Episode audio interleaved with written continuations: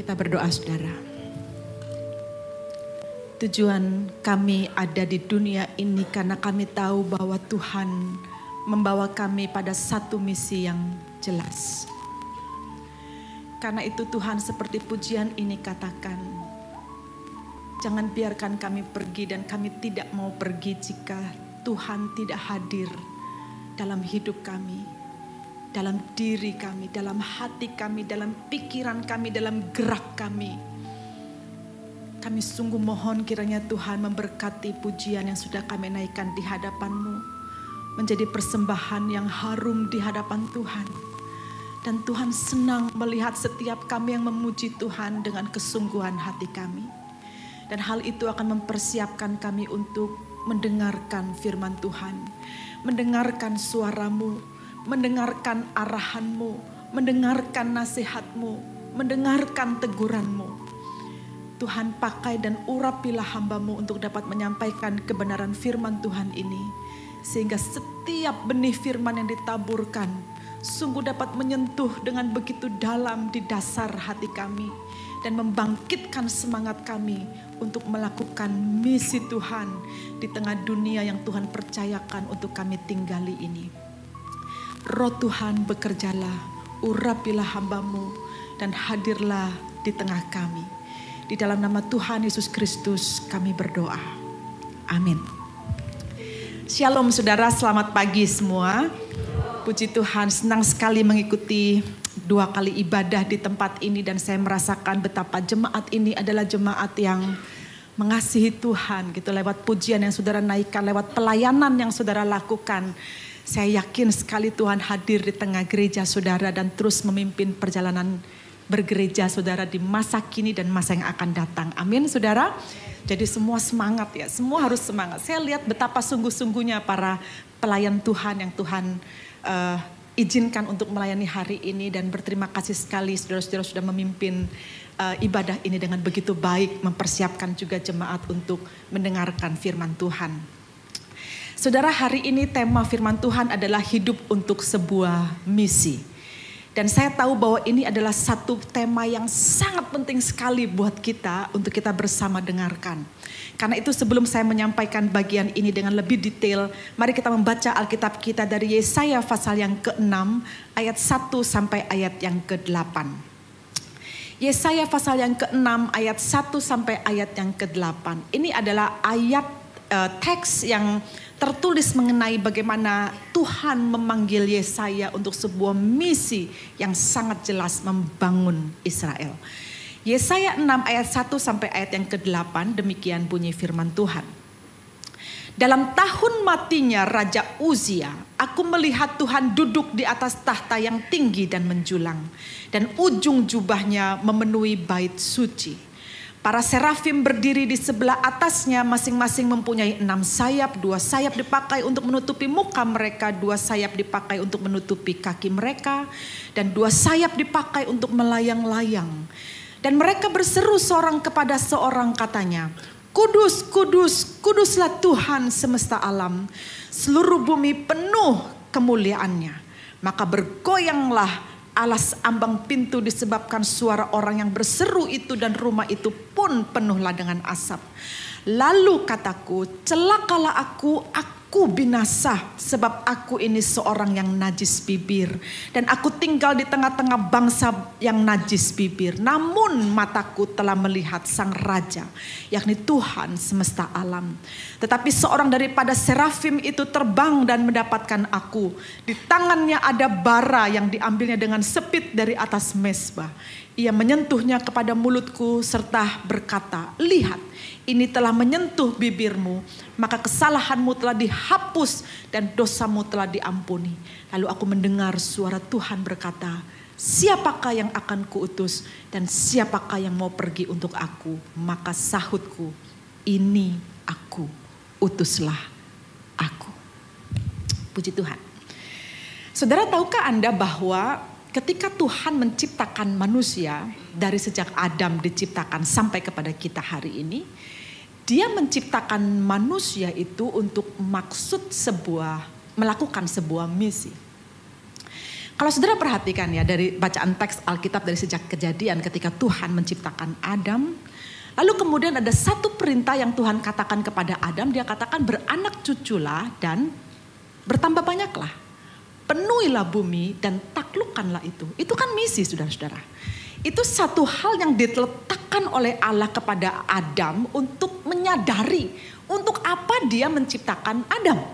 Yaitu untuk memenuhi bumi, beranak cucu, menaklukkan bumi, memberi nama dan seterusnya gitu.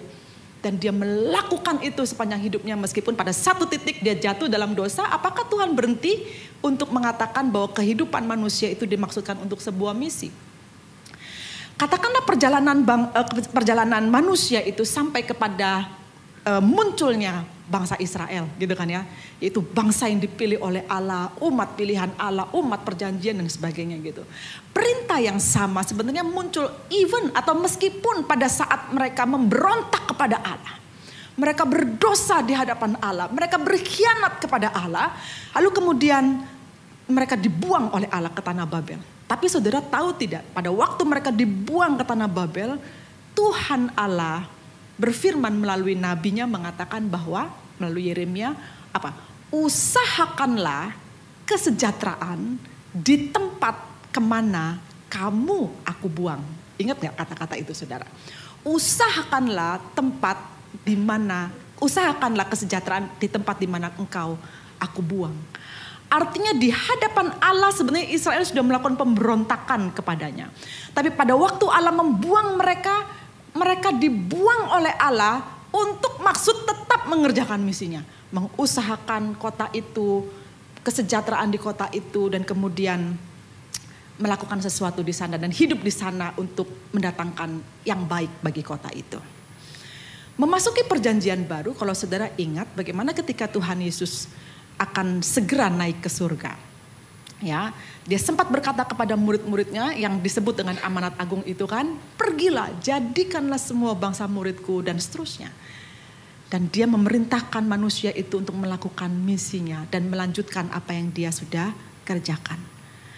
Lalu kemudian di kisah rasul pun dicatat hal yang senada tetapi dengan uh, kalimat yang berbeda ketika dikatakan bahwa roh Tuhan itu turun atas kita kita diberi kuasa untuk melakukan pekerjaannya. Saudara melihat dari apa yang tertulis sejak manusia diciptakan dan kita membaca dalam perjanjian lama sampai kemudian kita melihat di dalam perjanjian baru bagaimana yang Yesus katakan kepada kita, kita tahu sebenarnya dengan intensi apa, dengan maksud apa Tuhan menciptakan kita. Tetapi sayangnya kehidupan manusia ini bahkan orang-orang Kristen itu tidak kompatibel dengan apa yang telah diprogramkan Allah sebenarnya. Katakanlah kalau itu diprogramkan oleh Allah kepada kita. Bahwa kita diciptakan untuk maksud sebuah misi itu tidak banyak terlihat dengan sangat kuat pada diri manusia-manusia hari ini. Termasuk di antaranya adalah orang-orang percaya bahkan gitu. Sehingga pada akhirnya fenomena atau hal yang diperlihatkan kepada kita pada waktu kita menjalani hidup itu nggak kelihatan punya misi hidupnya saudara-saudara. Ya pokoknya saudara hidup, lahir, besar gitu ya. Dan kemudian dewasa, tua itu benar-benar hanya untuk yang penting bisa hidup. Yang penting hidup bisa berjalan. Kalau bisa kaya bagus gitu. Kalau usaha lancar bagus udah gitu aja gitu. Dan itu hanya hidup untuk bagaimana kita bisa menjalaninya uh, seperti apa yang seharusnya gitu seharusnya dalam pengertian ya apa yang terjadi pada rutinitas kehidupan kita itulah gitu. Sehingga tidak ada sesuatu hal yang mendorong begitu kuat untuk maksud apa kamu ada di dunia ini gitu. Maka tidak heran kalau ditanyakan kepada anak-anak muda, mungkin ada anak-anak muda di sini ya, remaja muda gitu ya, tamat SMA mau kuliah gitu. Kalau ditanya kamu tuh mau apa? Mau apa dan bagaimana kamu akan menjalani hidupmu ke depan? Nggak tahu, paling dia cuma angkat bahu dan mengatakan nggak tahu gitu nggak tahu mau apa gitu.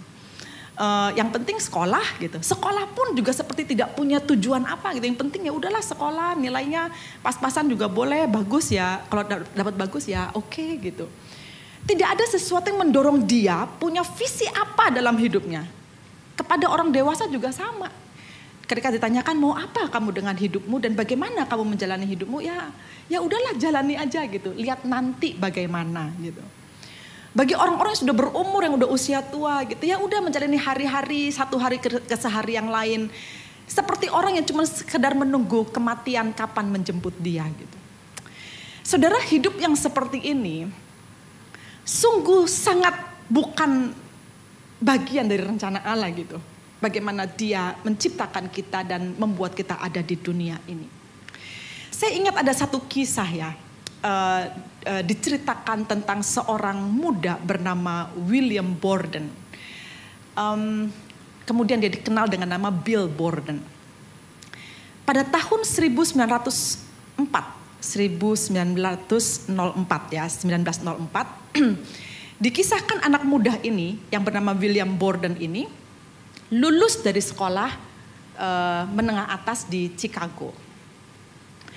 Lalu karena orang tuanya cukup kaya, uh, mengatakan kepada anak ini, karena kamu lulus dengan nilai yang sangat baik, maka kamu bolehlah keliling dunia. Kamu mau ke mana akan diberikan uh, apa itu biaya travelingnya gitu.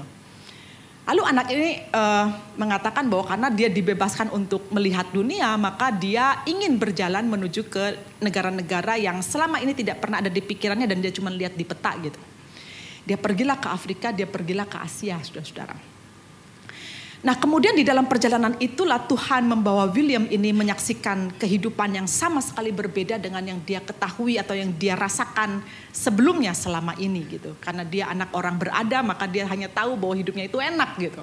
Ternyata ketika dia menyaksikan bagaimana orang-orang di Afrika, kemiskinan di Afrika dan kesengsaraan yang dia lihat dalam kehidupan orang-orang di Asia, dia merasa ini kehidupan apa kok seperti ini ya, kok berat betul, kok mengerikan betul gitu kemiskinan dan kesengsaraan mereka itu begitu kuat sekali gitu sampai mereka itu rasanya memiliki kehidupan yang sama sekali berbeda dengan dia. Nah, Saudara dari sejak itu kemudian itu yang disebut dengan the moment of truth gitu ya. Jadi dia tuh merasa ada sesuatu di dalam dirinya yang kemudian bekerja dengan begitu kuat di dalam hidupnya itu sampai dia merasa betul-betul terpanggil gitu. Hidupnya untuk memberikan pelayanan kepada orang-orang ini. Entah satu saat nanti aku akan datang ke mana aku nggak tahu. Tapi aku rindu sekali. Jadi ada satu dorongan yang kuat di dalam dirinya untuk melakukan sesuatu dalam hidupnya terkait dengan apa yang dia saksikan dalam pengalaman hidupnya ketika dia melakukan traveling itu. Saudara kemudian di dalam hati dia mengatakan one day I want to be a missionary gitu ya. Saya ingin jadi seorang misionaris dia bilang gitu. Dia ngomong sama ayah ibunya, ayah ibunya mengatakan, "Eh bener ya kamu." Maksudnya dia itu disekolahkan tuh supaya nanti satu saat dia mewarisi kerajaan bisnis ayah ibunya itu. Tapi kemudian dia katakan, I want to be a missionary. Lalu kemudian dia masuk ke Yale University. Itu sekolah yang sangat terkenal lah sampai sekarang saudara ya. Saudara tahu ketika dia masuk ke Yale, ini kan masih umur 16-an, 17-an tahun pada waktu itu. Dan dari sejak awal dikatakan dari sejak semester pertama studinya di Yale itu William Borden ini telah membuat begitu banyak gerakan misi di kampus ini. Dimulai dari apa? Dia bikin kelompok-kelompok doa, diajak teman-temannya, lalu kemudian dia bikin kelompok-kelompok doa tuh saudara. Jadi setiap pagi, pagi-pagi sekali sebelum perkuliahan itu dimulai, mahasiswa itu kumpul dalam kelompok-kelompok doa gitu. Dan rupanya kelompok-kelompok doa itu menjadi begitu menggelombang gitu. Jadi begitu banyak, begitu banyak anak-anak muda pada waktu itu menjadi gelombang doa yang luar biasa di Yale University pada waktu itu dan menjadi sebuah gerakan penginjilan pada waktu itu. Sampai dosen-dosen ini bingung melihat William Borden ini, kok bisa anak muda ini tuh menggerakkan sesuatu yang sama sekali tidak pernah terjadi sebelumnya di uh, Yale University. Sampai ketika dia sudah menjadi mahasiswa senior di tahun keempat kuliahnya itu, tahun ketiga sorry, tercatat 1.300 mahasiswa ikut dalam gerakan penginjilan yang bertujuan membawa berita keselamatan bagi banyak orang melalui apa yang pertama kali diletakkan oleh William Borden. Jadi jangan pandang remeh kalau satu anak muda punya misi yang besar itu bisa melakukan sesuatu yang sama sekali tidak terduga umurnya baru 17 tahun pada waktu pertama kali, 16 tahun pada waktu pertama kali dia melakukan ini. Saudara, uh, kemudian dicatatlah bahwa dia ini mendirikan satu badan misi yang disebut dengan Yale Hope Mission. Jadi misi pengharapan yang ada di Yale. Ya. Nah saudara kemudian dari dari badan inilah dia bersama kawan-kawannya itu menggalang satu gerakan yaitu memberikan pelayanan kepada para gelandangan, homeless people, orang terlantar, para janda, anak yatim piatu, orang cacat, orang terpinggirkan gitu. Pokoknya orang outcast people lah.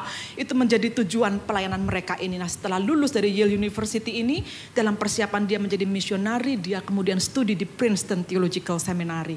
Dia sekolah di sana, di tahun pertama dia sekolah, ada satu conference diselenggarakan di Princeton Lalu kemudian dia hadir di dalam conference itu, pembicaranya itu adalah Samuel Zwemer. Dia adalah seorang teolog, seorang pendeta, seorang yang sangat kuat sekali di dalam uh, uh, pelayanan misi. Lalu kemudian di dalam seminar itu, di dalam conference itu, Zwemer mengatakan, menceritakan tentang satu data tentang orang-orang muslim di China yang sangat banyak. Ada 15 juta orang muslim yang sangat kuat di China dan there is no one evangelist go to there. Tidak ada satu orang pun penginjil atau satu orang misionari yang datang ke sana gitu. Karena uh, tempat ini sangat berbahaya sekali. Mungkin kamu harus mengorbankan nyawa kalau kamu perlu kalau kamu pergi ke sana. Provinsi itu atau provinsi itu namanya Uighur. Mungkin sudah pernah mendengar itu memang kampungnya atau provinsi yang memang betul-betul uh, didominasi oleh Chinese Muslim di sana. Lalu kemudian setelah itu, setelah conference itu, Borden mengatakan, Bill Borden mengatakan, I go there. Saya pergi ke sana, katanya gitu. Umurnya waktu itu masih 25 tahun, saudara-saudara.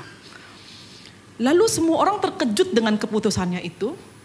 Dan kemudian dalam salah satu tulisan di dalam jurnal yang dia tulis itu dia katakan gini. Say no to self and yes to Jesus every time. Katanya gitu.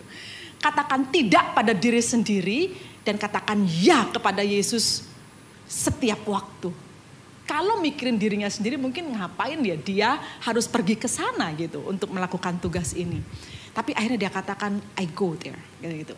Nah kemudian dia rindu sekali untuk melayani orang-orang muslim yang ada di China itu, maka kemudian dia memutuskan untuk belajar bahasa Arab sebelum dia berangkat ke sana. Nah kemudian dia tibalah dia di Mesir, saudara-saudara, untuk belajar bahasa Arab ini.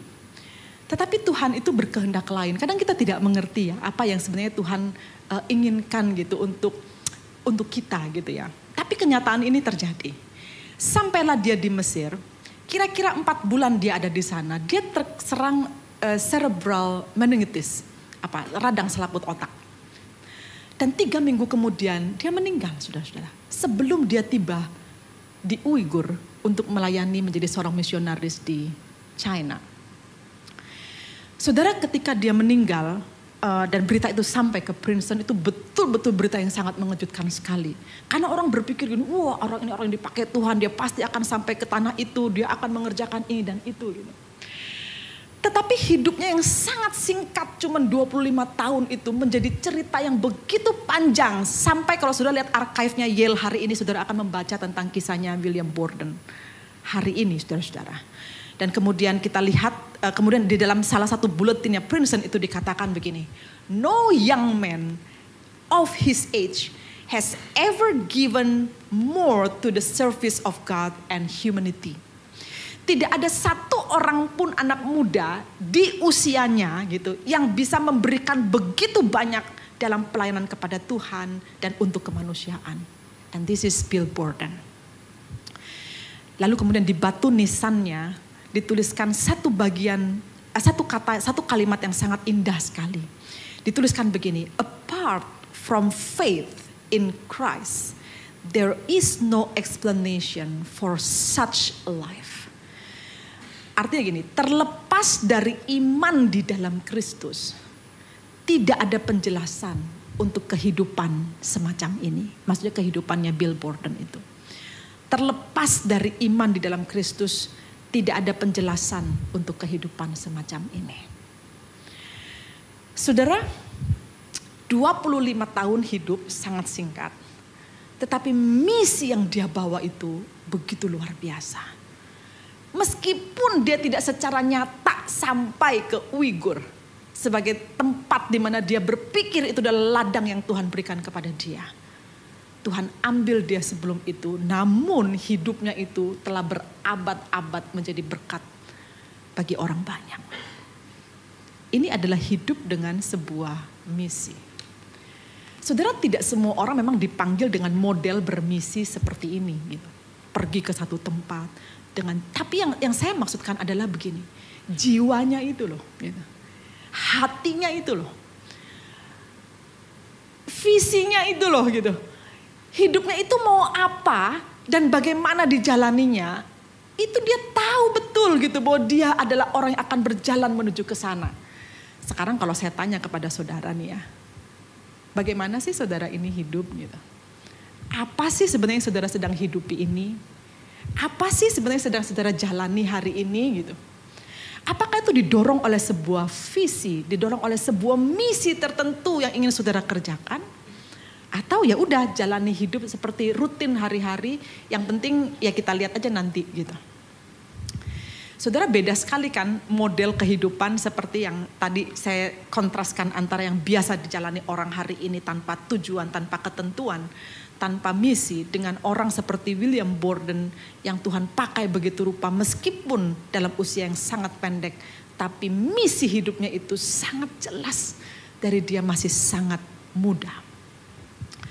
Saudara entah kapan kita akan menemukan moment of truth itu saya harap tidak berlama-lama gitu. Untuk kita bisa merasakan aku ini hidup harus melakukan sesuatu. Bukan hanya untuk diriku sendiri. Bukan hanya untuk memperkaya diri sendiri. Tetapi aku harus hidup untuk melakukan sesuatu di tengah dunia ini. Sebenarnya dari zaman ke zaman Allah telah menunjukkan maksud dia untuk membawa manusia ke tengah dunia ini dengan misi tertentu yang harus dikerjakan. Katakanlah tadi kita uh, melihat dari cerita hidupnya William Borden. Nah kalau kita berkaca kepada teks Alkitab yang kita baca tadi, sebenarnya ada unsur kemiripan ketika Tuhan itu memanggil seseorang. Kita bicara soal Yesaya sekarang, saudara-saudara. Bagaimana uh, uh, kondisi yang dialami oleh Yesaya pada waktu dia dipanggil oleh Tuhan. Perhatikan apa yang dituliskan di dalam Eh, baris pertama di dalam teks yang kita baca ini. Di situ dituliskan demikian di ayat 1. Dikatakan bahwa dalam tahun matinya Raja Uzia. Kenapa Yesaya dalam tulisan ini begitu penting memberikan informasi panggilannya itu terjadi di dalam konteks matinya Raja Uzia. Saudara, uh, Raja Uzia ini mati sekitar tahun 739 sebelum Masehi itu sudah berabad-abad ribuan tahun yang lalu lah yang dari konteks kita sekarang. Penting sekali informasi tentang kematian Raja Uzia ini karena Uzia ini adalah raja yang memerintah sepanjang 52 tahun lamanya di tanah Yehuda. Dia menjadi raja sejak dia umur 16 tahun dan sekian panjang dia menjadi raja ini bukan waktu yang singkat untuk seorang raja memerintah.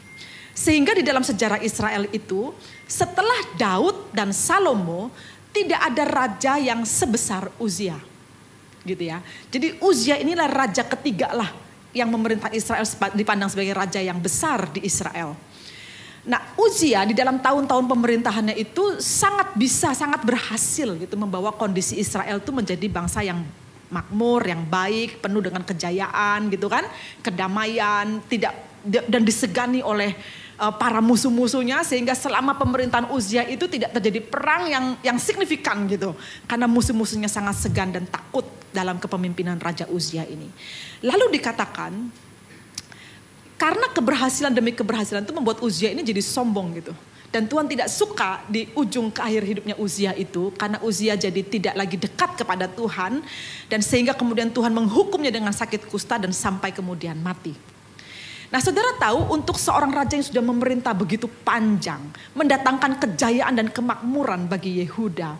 Lalu kemudian tiba-tiba dia mati. Itu satu shock yang luar biasa gitu bagi bangsa Israel. Tidak siap menghadapi kematian dari pemimpin mereka ini. Lalu sampai kemudian membuat mereka e, begitu takut menjalani hari-hari. Mengalami krisis yang begitu hebat. Karena kemudian tidak lama setelah Uzia mati, Asyur, bangsa yang sudah ngincer Israel sekian lama itu bangkit untuk ber, mengangkat uh, pedang dan perang dengan Israel. Dan Israel tahu bahwa sejak matinya Uzia, habislah kejayaan Israel pada waktu itu. Nah jadi pada waktu itu jelas sekali dikatakan bahwa pada tahun matinya Uzia itu, dan sudah tidak bisa bangkit lagi setelah itu, disebutkan oleh penafsir, waktu ini disebut dengan a time of grief uncertainty and national crisis. Yaitu ini adalah waktu yang berduka yang sangat panjang, waktu yang tidak pasti dan ini adalah krisis nasional yang luar biasa terjadi di Israel. Artinya saat itu Israel sedang dalam kondisi yang sangat menyedihkan, tidak menentu krisis yang dialami. Nah sebagai orang yang bekerja di istananya Raja Uzia, saudara-saudara, Yesaya ini sungguh merasa bahwa kematian Uzia ini membuat dia juga sangat terpukul dan dia sangat khawatir dengan situasi bangsanya hari itu. Saudara perhatikan bagian ini ya. Dia mulai merasa khawatir, dia takut, dia gelisah sekali tentang kondisi bangsanya dan juga kerajaan Yehuda pada waktu itu.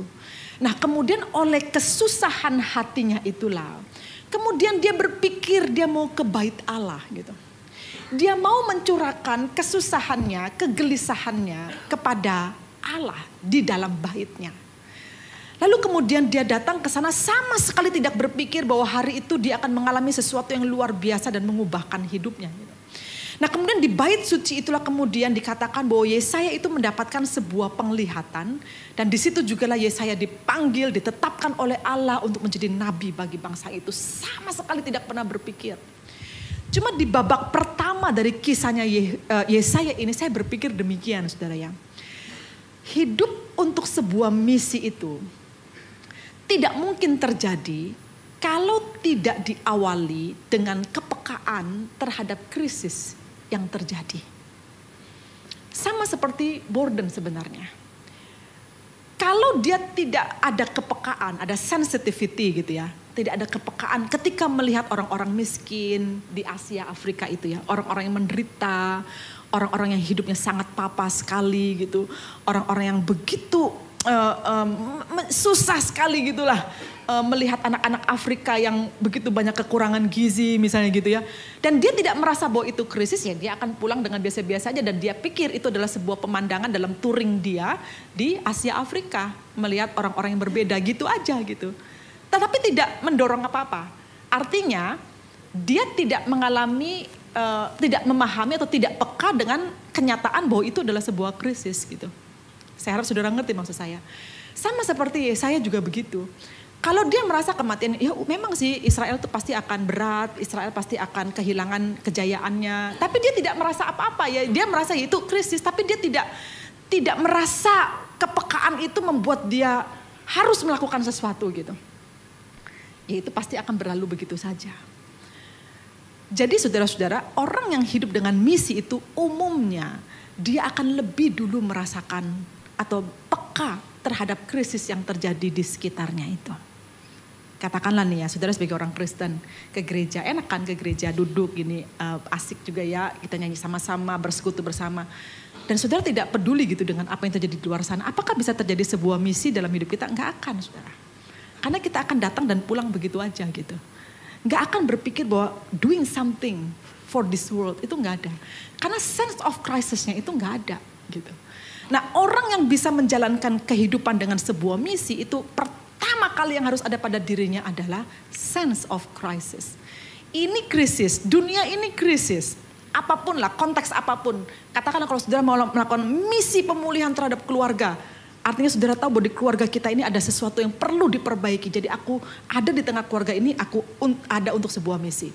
Aku ada di gereja ini, aku ada untuk sebuah misi. Aku ada di dunia ini, aku ada untuk sebuah misi. Itu hal yang pertama, yaitu sense of crisis. Yang kedua, dikatakan bahwa ketika Yesaya dalam penglihatan itu duduk di tatahnya, dia melihat Allah yang begitu luar biasa gitu. Dia melihat bahwa um, Tuhan itu duduk di tahtanya berada begitu tinggi dan menjulang hingga ujung jubahnya memenuhi setiap sudut ruangan. Lalu kemudian dia melihat para serafim gitu dengan enam sayap, dua sayap dipakai menutupi muka, dua sayap menutupi kaki, dua sayap dipakai, dipakai untuk melayang-layang dan para serafim itu menyanyikan lagu kudus, kudus, kuduslah Tuhan semesta alam dan seluruh bumi penuh dengan kemuliaannya. Saudara pada waktu nyanyian itu diperdengarkan, Seketika itu juga bait suci itu berguncang dikatakan. Dan di situlah Yesaya merasakan mengalami apa yang disebut dengan the otherness of God. Yaitu ia melihat mengalami sendiri tentang Allah yang keberadaannya itu sangat-sangat berbeda dengan dia gitu. Bahwa Allah itu kudus, dia kotor, dia berdosa. Bahwa Allah itu mulia, dia najis gitu. Pada saat itu dia merasakan kondisi yang sangat tidak layak berada di, berada di hadapan Allah gitu. Dia sungguh merasa berbeda dengan Allah yang kudus itu. Pada saat itu dia mendengar ketika serafim atau para, para makhluk surgawi itu uh, menyanyikan, membuka mulutnya menyanyikan pujian bagi Allah yang kudus, Yesaya tidak sanggup membuka mulutnya untuk memuji Allah. Karena dia tahu persis bahwa dia tidak mungkin memuji Allah dengan mulutnya yang najis dan penuh dosa itu. Saudara itulah sebabnya dikatakan bahwa kalimat pertama yang keluar dari mulutnya Yesaya itu apa? Celakalah aku katanya. Celakalah aku, aku binasa sebab aku ini seorang yang najis bibir. Dan aku tinggal di tengah bangsa yang najis bibir. Namun mataku telah melihat sang raja yakni Tuhan semesta alam. Saudara dari seruan ini ya kita dapat mengetahui bahwa Yesaya itu sangat menyadari keberdosaannya. Nah ketika dia menyadari keberdosaannya dan keberdosaan bangsanya itu. Membuat dia itu merasa tidak layak berada di dalam bait Allah itu bersama dengan Tuhan gitu. Dan oleh karena itu dari sat, salah satu dari serafim itu mengambil sepit di tangannya dan mengambil bara dari atas mesbah lalu menyentuhkannya ke mulutnya Yesaya dengan maksud penyucian Yesaya telah dilakukan atau pengampunan dosa Yesaya telah dilakukan oleh Tuhan atas dirinya. Tadi saya katakan yang pertama di babak pertama itu ya. Orang uh, kita tuh bisa terhalangi gitu menjalankan misi oleh karena tidak ada kepekaan. Yang kedua yang terjadi adalah kita bisa merasa tidak layak atau tidak bersedia melakukan misi Allah itu karena kita merasa kita itu orang berdosa. Kita orang yang tidak berdaya, kita orang yang tidak punya apa-apa, kita tidak bisa apa-apa gitu. Jadi kita merasa diri kita itu terbatas sehingga kita tidak merasa bahwa Tuhan bisa memakai kita begitu rupa gitu. Jadi ya sudahlah kalau gitu aku yang terbatas ini ya di sini aja gitu. Gak mau ke mana-mana. Lagi mana lah saudara ya. Kalau misalnya cara berpikirnya demikian. Tapi hari itu dikatakan bahwa Tuhan menyentuhkan bara api ke mulutnya Yesaya itu sebagai tanda bahwa itu adalah hal ketika Allah memurnikan dia. Ada seorang teolog bernama Edward Young. Dia menulis tafsiran Yesaya pada bagian ini begitu menarik sekali. Dia katakan bahwa teks ini membuktikan dan mengajarkan bahwa tindakan memurnikan dan mengampuni dosa itu hanya terjadi jika Allah melakukannya. Tindakan mengampuni dosa itu adalah misi Allah bagi manusia. Jadi Allah mengerjakan misinya kepada kita, bagaimana mungkin kita tidak mengerjakan misi Allah di tengah dunia ini yang kita persembahkan kepada dia gitu. Tugas mengampuni dosa itu adalah tugasnya Allah. Mutlak itu adalah bagian yang Allah kerjakan dan dia mengerjakannya. Artinya misi Allah pada diri kita itu selesai dalam tugas pengampunan dosanya. Nah setelah diampuni ya kamu pergi gitu. Kamu jalankan misimu. Turunkan misi Allah ini kepada dunia melalui kehidupan kita. Nah itulah sebabnya saudara-saudara pada saat itulah dikatakan oleh John Calvin ketika uh, apa menafsirkan bagian ini dia katakan He raises man to the higher dignity gitu. Jadi Tuhan Allah itu ketika dia mengampuni dosa kita, dia membawa martabat kita itu kepada higher dignity, martabat yang lebih tinggi gitu untuk bisa mengerjakan maksud pekerjaannya itu. Nah saudara artinya tidak ada orang yang mengatakan, bisa mengatakan bahwa aku tidak layak untuk misi ini. Aku tidak bisa untuk misi ini. Aku tidak mau untuk misi ini. Gitu. Karena sebenarnya Allah telah melayakkan kita. Allah telah mengampuni kita. Allah telah membawa kita kembali kepada track yang sebenarnya. Yaitu untuk mengerjakan pekerjaannya di dunia ini. Nah saudara hal kedua inilah yang sering kali juga perlu kita telisik di dalam diri kita gitu. Kadangkala kita tidak merasa yakin betul gitu bahwa ketika Allah mengampuni dosa kita, dia maksudkan supaya kita bisa mengerjakan pekerjaan misinya dengan lebih efektif buat kita, buat dunia ini gitu. Nah jadi uh, uh, tidak ada penghalang sebenarnya bagi kita untuk melakukan pekerjaan itu. Itu di babak kedua, yaitu ketika Allah mengampuni dosanya Yesaya untuk maksud pekerjaan misi. Jadi maksud Allah mengampuni dosa saudara adalah untuk maksud pekerjaan misi. Oke. Kemudian di babak ketiganya itulah kita melihat bagaimana respon Yesaya ketika dia percaya betul bahwa Tuhan mengampuni dia. Dan dia juga merasa krisis bangsanya ini hebat dan dia harus melakukannya. Mulai ada kepekaan, mulai ada keyakinan bahwa Tuhan memperlengkapi dan mengampuni dia dan akan terus menjalankan misinya melalui dirinya. Maka kemudian ketika Tuhan Allah mulai berbicara kepadanya, siapakah yang akan kuutus dan siapakah yang mau pergi untuk aku. Saudara kemudian dengan yakin sekali, dengan penuh antusias, Yesaya menjawab, ini aku, utuslah aku. Saudara frasa ini aku itu bukan sekedar ya Tuhan saya hadir gitu. Ini saya gitu. Bukan begitu. Ini dirangkum dalam satu bahasa istilah dalam bahasa Yunani itu artinya hineni. Ini aku, hineni. Saudara tahu kata hineni ini, ini aku itu ya kalau diterjemahkan, diterjemahkan dalam bahasa Indonesia. Artinya Yesaya ini membuka diri untuk melakukan pekerjaan Tuhan meskipun itu menuntut pengorbanan darinya.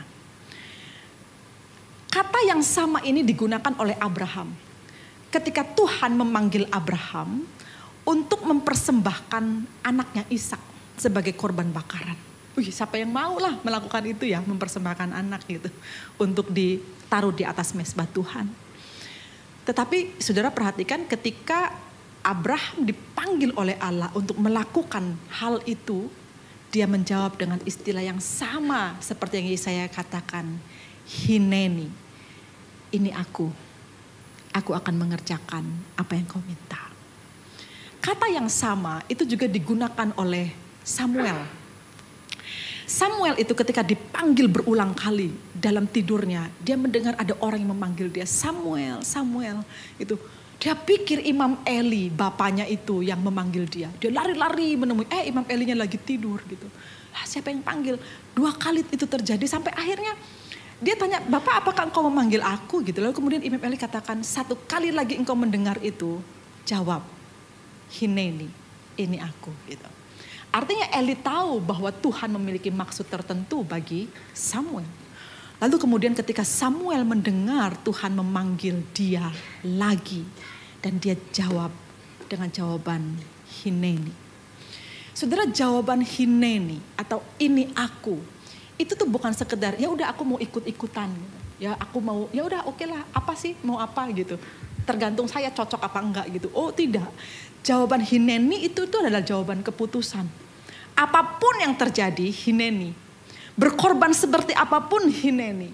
Dan kata Hineni itulah yang dikatakan oleh Bill Borden walaupun dia tidak secara letterlock mengatakan Hineni. Tapi pada waktu dia katakan aku yang akan pergi ke Uighur. Aku yang akan melayani orang-orang muslim itu. That's Hineni. Karena dia tahu bahwa saat itu entahkah dia akan bisa kembali pulang ke Amerika Serikat atau tidak dia tidak tahu. Yang dia tahu adalah dia mengerjakan misi Allah ini. Saudara mengerjakan misi Tuhan itu butuh kerelaan untuk berkorban. Selain Anda memiliki kepekaan, sense of crisis dan uh, sense of uh, apa uh, apa pardon. Jadi uh, rasa diampuni dan juga rasa krisis yang di dalam tapi juga ada ada apa ya? Ada sense of mau berkorban. mau berkorban untuk melakukan satu tugas tertentu.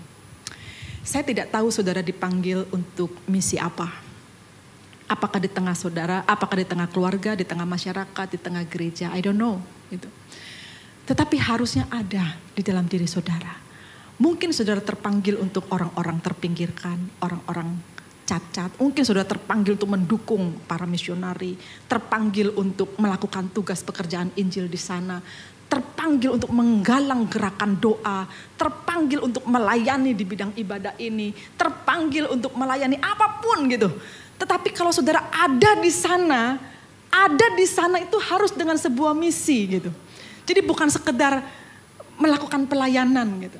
Sesuai dengan jadwalnya. No, tetapi saudara ada di sana itu untuk melakukan sesuatu yang membawa misi yang luar biasa gitu.